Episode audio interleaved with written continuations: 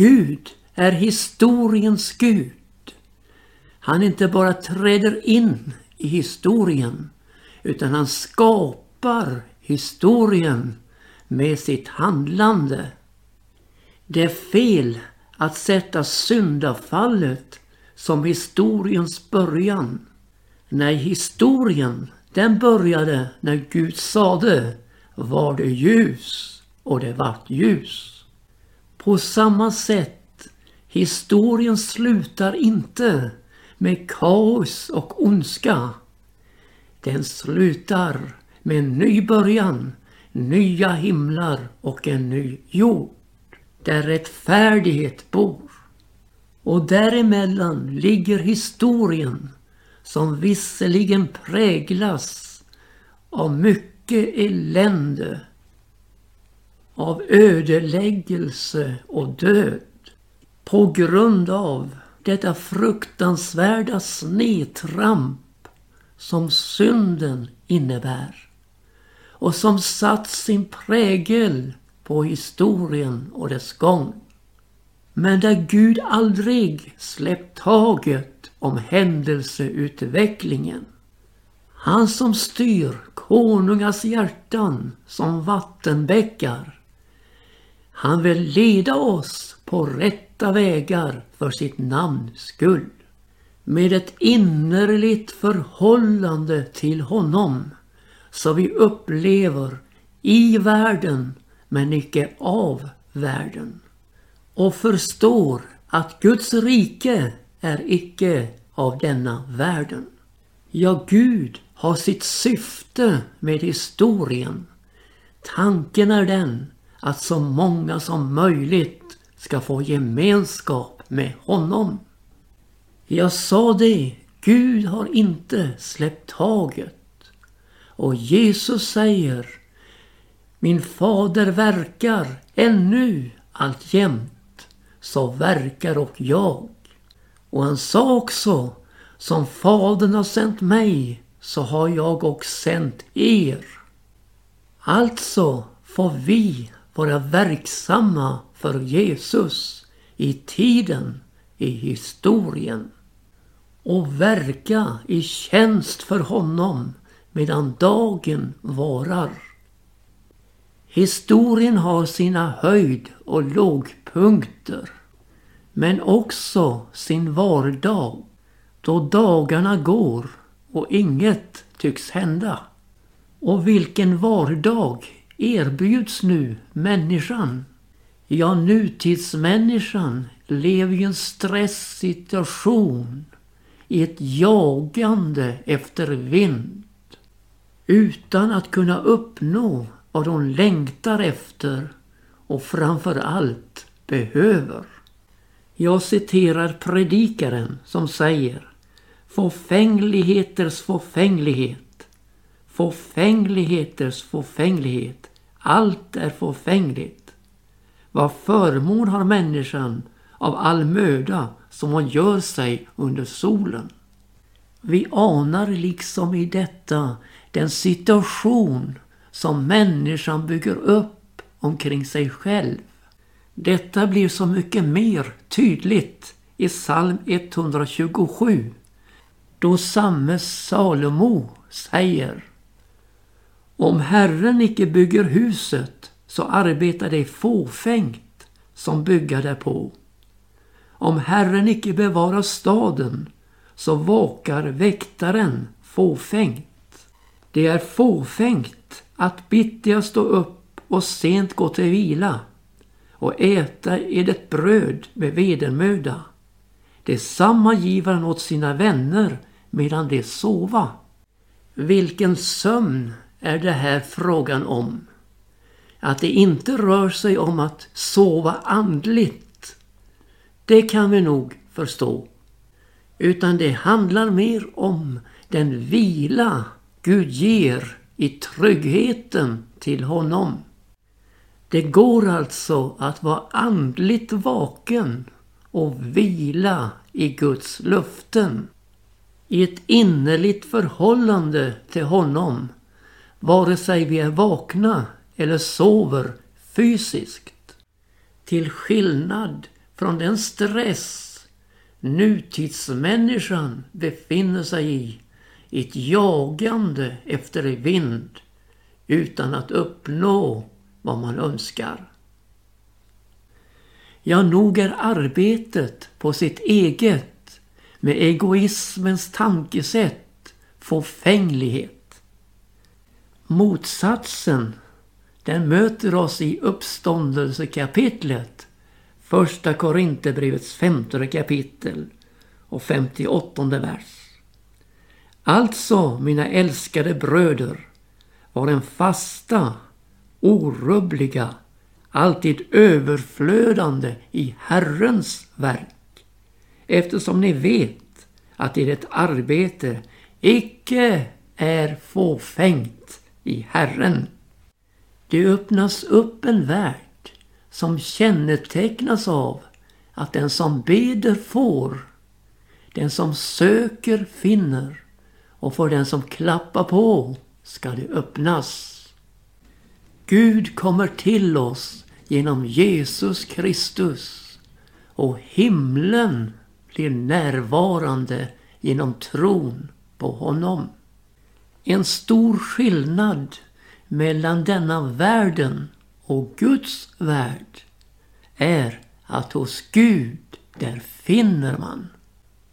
Det första av Jesu lärjungar som hade levt i sin vardag, sina dagliga rutiner, hade mött Jesus och var på de första stegen i efterföljelse av honom.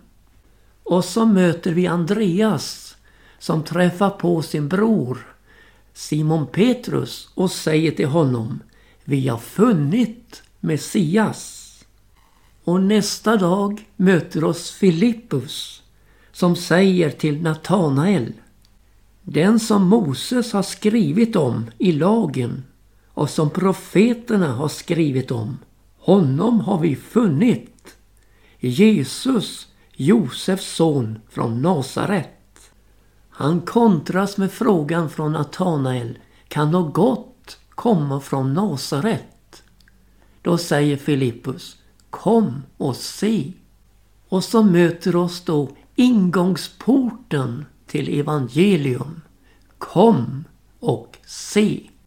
Tänk dig enkla människor, vardagsmänniskor möter Jesus. Att de hade funnit något är ju helt uppenbart. De hade funnit honom som Moses har skrivit om i lagen och som profeterna hade skrivit om. Honom hade de funnit. Men hur var det nu med klarheten i de viktiga lärofrågorna? Att Jesus kom från Nasaret, det var ju klart. Men var han nu Josefs son? Ja, den frågan skulle ställas på sin spets när Jesus längre fram i lärjungaskapet frågar dem Vem säger då ni mig vara?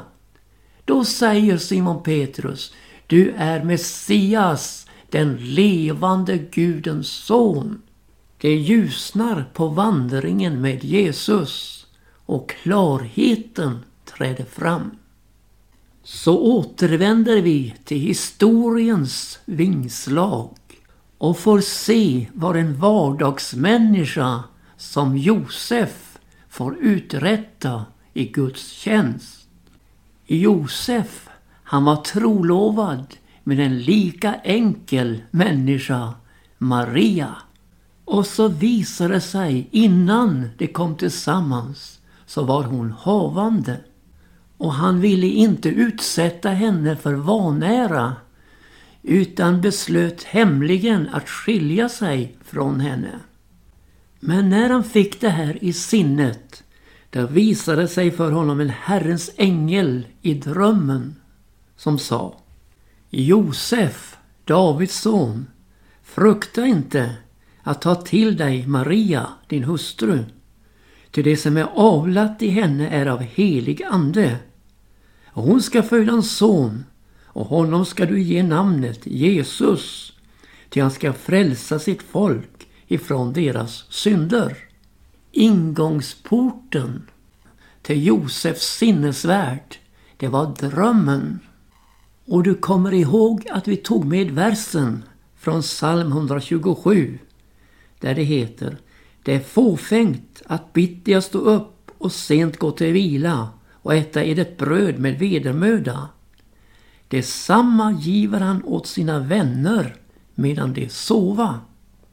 Ja, här har vi ett exempel, ett lysande sådant. Hans blivande hustru som höll på att gå honom ur händerna blev given åt honom från Herren genom drömmen han fick. Både på ett sätt och på två sätt talar Gud om man också icke aktar därpå. Men tänk vilken rikedom det är i att akta på vad Herren talar. Josef, han fick sin Maria och han skulle få träda in i historien och bli en mycket betydelsefull person. Denna enkla vardagsmänniska.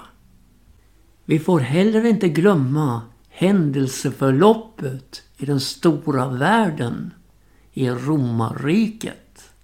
Jo, vi har citerat Han leder konungas hjärtan som vattenbäckar. Och nu stod kejsar Augustus inför denna Guds ledning av hans hjärta. Ett påbud gick ut att hela världen skulle skattskrivas. Varför nu det? Jo, var det för att få klirr i den romerska kassan? Eller var det möjligen för Guds ledning med två enkla människor? Att föra dem från Nasaret till Betlehem för att profeten Mikas profetia skulle uppfyllas. Men du Betlehem, Efrata, som är så ringa för att vara bland Judas släkter. Av dig skall åt mig utgå en som ska bliva en förste i Israel. En vilkens härkomst tillhör förgångna åldrar, forntidens dagar.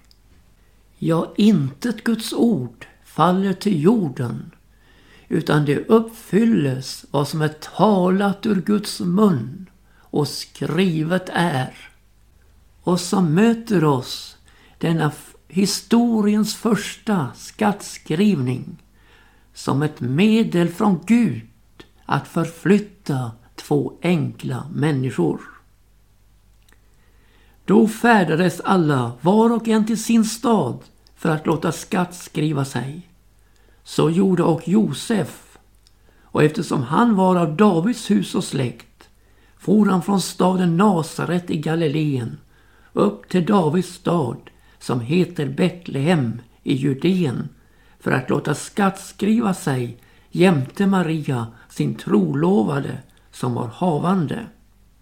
Och medan de var där hände sig att tiden var inne då hon skulle föda. Hon födde sin förstfödde son, lindade honom, la honom i en krubba, till det fanns inte rum för dem i härberget. Jag tycker det är så stort att Gud lägger sin enfödde son i två enkla vardagsmänniskors omsorg. Hur vågar han lägga sin enfödde son i två enkla människors händer? Det var säkert tryggare att lägga honom där än i kejsar Augustus mäktiga händer. Och definitivt tryggare där än att lägga honom i Herodes obarmhärtiga händer. Gud behövde enkla människor, vardagsmänniskor. Gud behöver enkla människor. Herodes fick sig en förskräckelse och det uppstår, minst sagt, ett stressat läge hos Herodes i hans borg. När de vise männen kom och frågade efter den nyfödde judakonungen. Denna förskräckelse berörde inte bara honom utan hela Jerusalem med honom. Och han kallar till sig allt vad Jerusalem kan uppbringa av överste präster och skriftlärde för att fråga efter var Messias skulle födas. Svaret var Betlehem på grund av det som var skrivet hos profeten Mika. Och de vise männen drar iväg från Herodes och Jerusalem till Betlehem. Men innan dess får de uppgift av Herodes att söka noga efter barnet så att också han kan ge det sitt hyllning. Ja, planen var grym och modisk. Och Herodes visar nu i historien vad som bodde i hans hjärta. När han förstår att de visa männen inte återvänder till honom och ger honom vägbeskrivning till barnet. Då får hela Betlehem känna av hans grymhet. Då han lät döda alla gossebarn, två år gamla och därunder.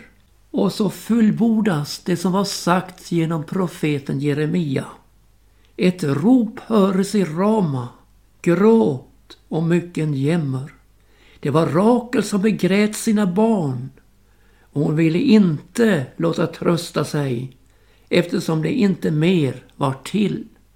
Det finns ingen större grymhet, ingen större ondska än barnamord. Men Herodes drar sig inte för att föra ut all den grymhet som bodde i hans innersta ut i livet, ut i historien. De vise männen fick en Herrens befallning genom en uppenbarelse i drömmen att dra en annan väg hem än via Herodes.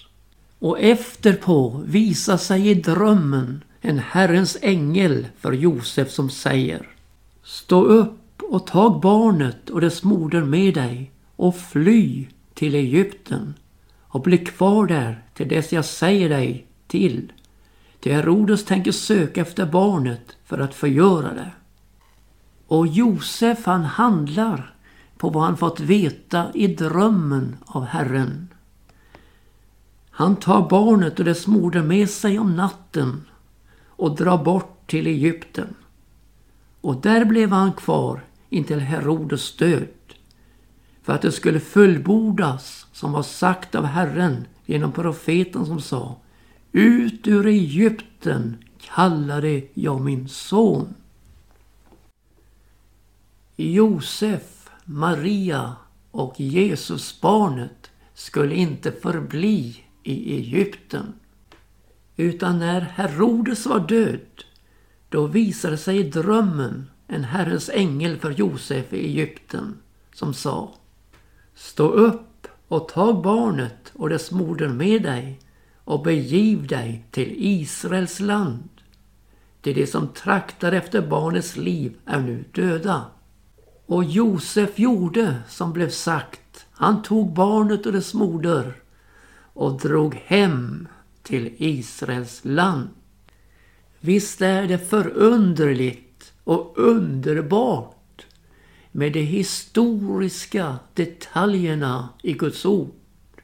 Och inte minst när det gäller de historiska detaljerna omkring Jesus. Gud har varit så noga med att förankra sin eviga frälsning i historien. Och vi kan ju tycka att det är många märkliga detaljer som sker. Många märkliga händelseförlopp. Men ingen ska kunna komma och säga jag vet inte när det hände eller var det hände. Den historiska förankringen med Jesus, hans liv och verksamhet är fullständig. Är det inte underbart? Ja, helt underbart att det inte fladdrar eller famlar hit och dit utan förankrat i vår historia. Och så ger han oss också ett grundlag för vår erfarenhet med Jesus Kristus. Som Gud fordomdags förde sitt folk ut ur Egypten mot löfteslandet med stark och mäktig hand så för han nu sin enfödde son samma väg genom två enkla människors omsorg och lydnad. Och vi, vi får lämna denna världens Egypten för att ingå i Guds rike. Det går inte att slå sig fast i Egypten när vi kallas ut därifrån genom Guds mäktiga kallelse i Jesus Kristus. En övergång från mörker till ljus. Från död till liv. Där i Egypten, där var det stress på när vi skulle slå tegel i träldomslivet inför denna världens första. Vi drevs till insatser som tog hårt på både själ och kropp. Men så hörde vi kallelsens röst ifrån Jesus som säger Kom till mig, ni alla som arbetar och är betungade, så ska jag giva er ro. Du tycker kanske att jag krånglat till det här i programmet.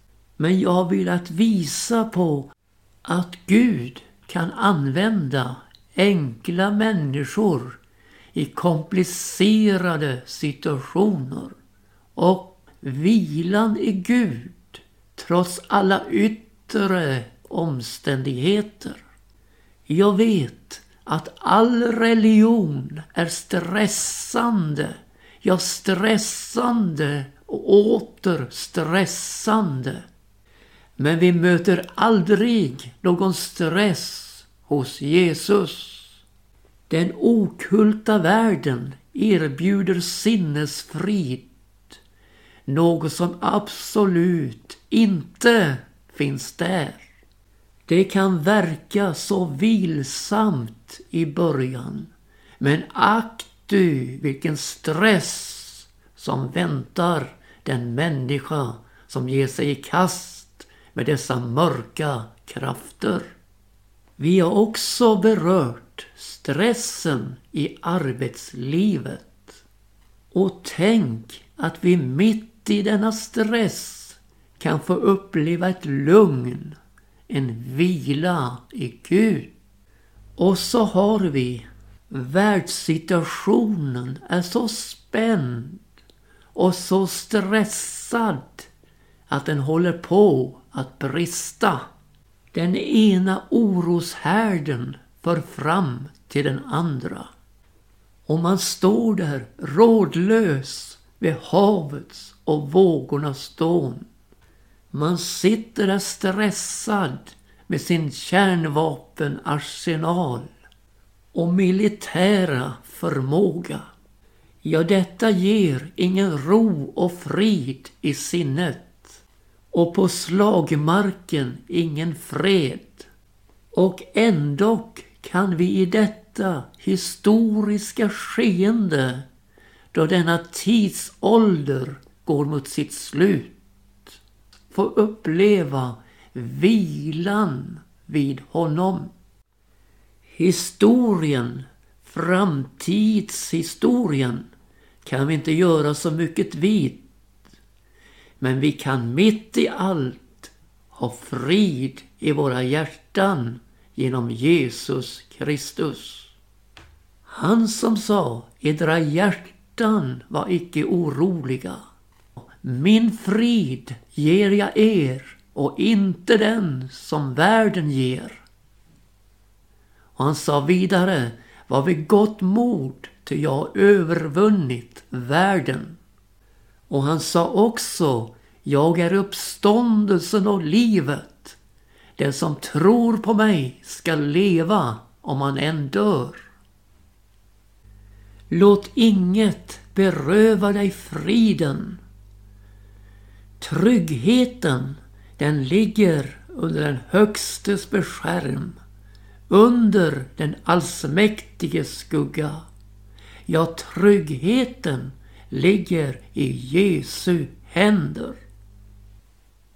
Jag funnit en frälsare mäktig och god en mästare här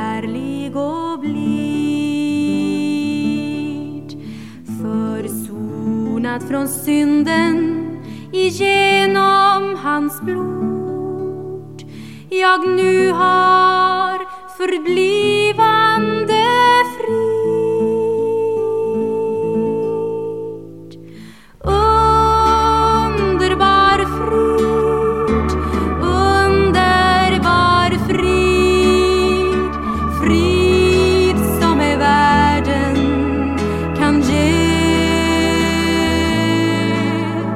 när han förde min själ ifrån mörker till ljus fick jag underbar, underbar frid. All ofrid och oro min själ hade bränt försvann vid hans